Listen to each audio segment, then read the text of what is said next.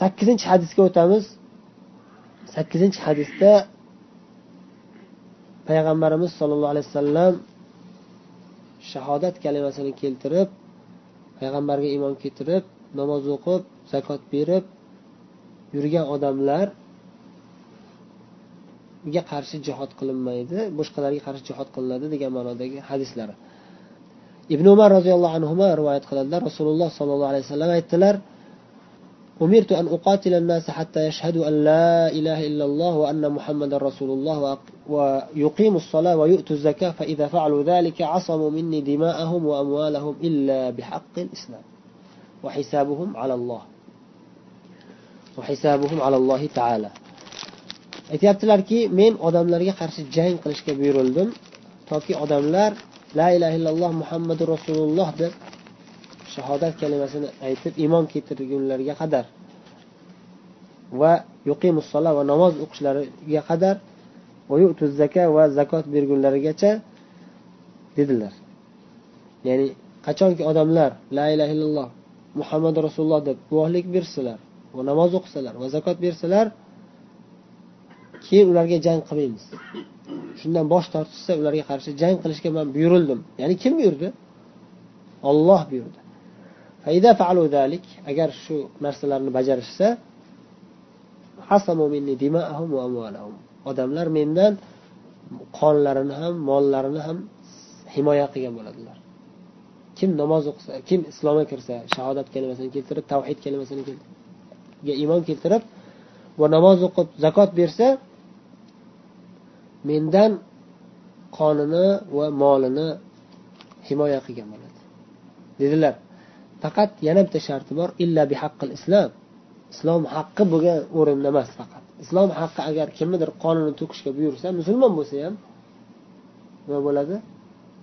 Namoz o'qiydigan odam bo'lsa ham zakot beradigan odam bo'lsa ham qonini to'kish kerak bo'lgan o'rin bo'lib qolsa ma'lum bir holatlarda unda man musulmonman mani o'ldirish mumkin emas deyolmaydi islomni haqqi bu yerda deb o'ldiriladi yoki molini olib qo'yiladi. Uni shartlari bor tafsilotlari bor fiqh kitoblarida keladi. Masalan bir odamni qasddan o'ldirib qo'ysa u odamni qarindoshlari bizga diya kerak emas o'ldiramiz bu odamni. Haqqimizni olib beringlar o'ldiringlar desa o'ldirish kerak bo'ladi. Shunga o'xshagan misollar bor.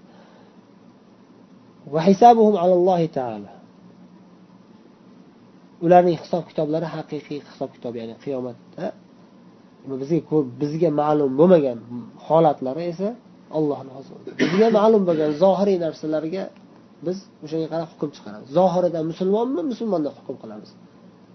Zohirida man musulmon emasman deyaptimi kofir deb muomala qilamizda qalbida nima bor? Uni olloh o'zi hisob kitob qiladi. Endi bu yerda kimdir aytishi mumkinki bu islomga majburlash emasmi? Alloh taolo qur'onda nima dedi? La ikroha fid din. Dinda majburlash yo'q ya'ni islomga kirishga kirgizishni hech kim majburlashi mumkin emas. Bu hadis bilan to'g'ri kelmayaptiyu deyishi mumkin kimdir? Unday emas. Bu hadisni to'g'ri tushunish kerak. Bu hadisda aytilmoqchiki islom da'vatini hech kim to'sib islomga qarshi to'sqinlik qilishga hech qaysi davlatni haq huquqi yo'q. Shuning uchun ulamolar aytishadiki hech qachon musulmon davlat bir kofir davlat bilan abadiy sulh qilish mumkin emas deyishadi. Ma'lum bir muddat sulh qilish mumkin. o'n yilgacha yigirma yilgacha. Deb ma'lum bir muddatga zarurat nuqtai nazaridan sulh qilish mumkin. Islomiy davlat bir kofir davlat bilan. Xullas bu masala chuqur masala tafsiloti uzun. Juda buni o'sha fiqh kitoblarida jihod kitobida o'qiladi. Bu yerda namoz o'qish masalasi aytildi zakot berish masalasi aytildi. Yana shu nuqtani aytib qo'yaylik. Buni ibn umar rivoyat qilyaptilar ibn umar rivoyat qilyaptilar. Abu bakr roziyallohu anhu xalifa bo'lganlarida zakot bermaymiz degan toifa chiqqan. Biz namoz o'qiymiz payg'ambarimiz muhammad sollallohu alayhi vasallam payg'ambarga iymon keltiramiz namoz o'qiymiz. Mayli abu bakrga ham itoat qilamiz. Ba'zilari shunaqa degan ba'zilari abu bakrga ham itoat qilmaymiz degan. Lekin biz aytmoqchi bo'lgan bitta nuqta o'sha faqat zakot bermaymiz degan odam. Toifa bir qabilalar ma'lum bir ba'zi bir qabilalar shunday deb turib olgan. Abu bakrga itoat qilamiz faqat zakot bermaymiz deyishgan. Nimaga desa chunki olloh zakot olishga buyurganda payg'ambarga buyurgan abu bakrga buyurmagan. Qarshi chiqishgan. Shunda yo'q zakot to'laysizlar deganlar abu bakr. Islom buyurgan zakotni to'laysizlar man xalifa bo'ldim manga to'laysizlar. Man o'zim taqsimlab beraman ummatga. Kim kambag'al kim muhtoj shunga qarab zakot taqsimlayman. Men rasulullohni xalifalariman. Rasululloh qilib yurgan endi vazifalarni endi man bajarishim kerak. Manga to'lashinglar kerak zakoti deylar ular yo'q deydi. Bo'lmasa biz sizlar bilan jang qilamiz urushamiz. Sizlar majburlab bo'lsa ham zakot beradigan qilamiz deb jihod e'lon qiladi ularga qarshi. Shunda ba'zi bir sahobalar jumladan umar roziyallohu anhu mulohaza bildiradilar bu hadisni boshqa bir rivoyati bilan. Ular eshitgan rivoyatida va degan qo'shimchasi yo'q edi. Umar aytadilarki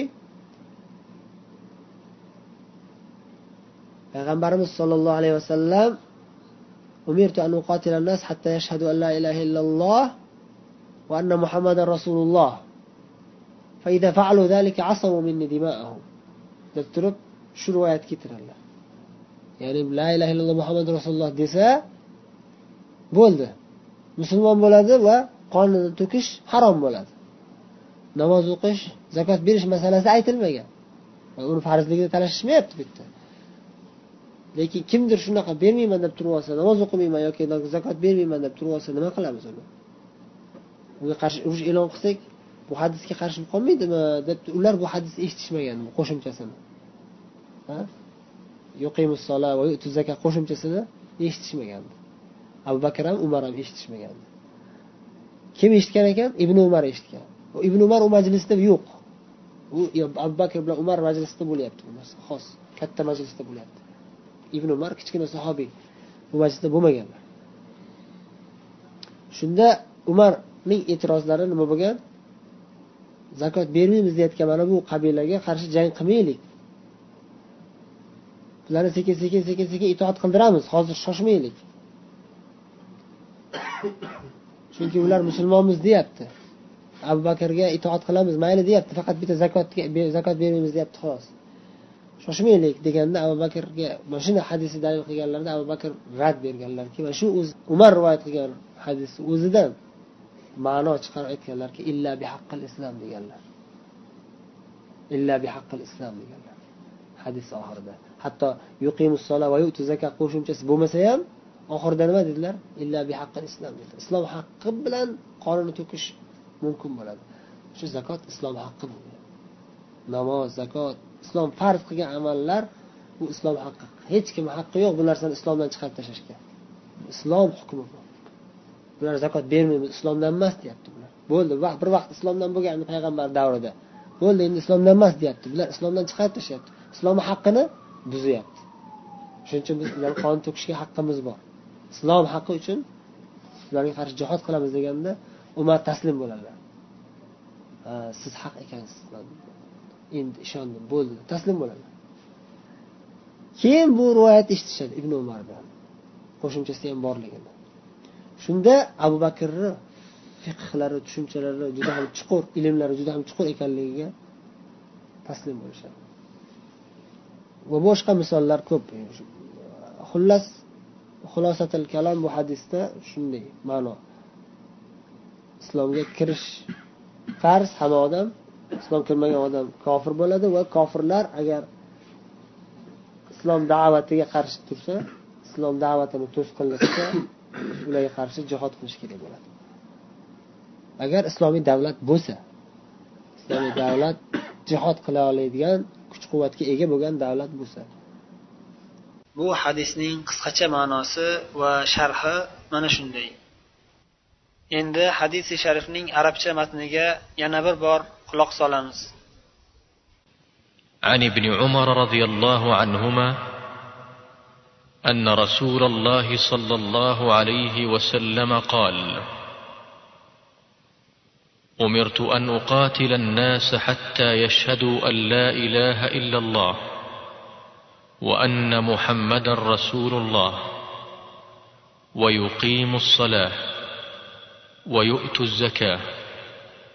فإذا فعلوا ذلك عصموا مني دماءهم وأموالهم إلا بحق الإسلام وحسابهم على الله تعالى. رواه البخاري ومسلم.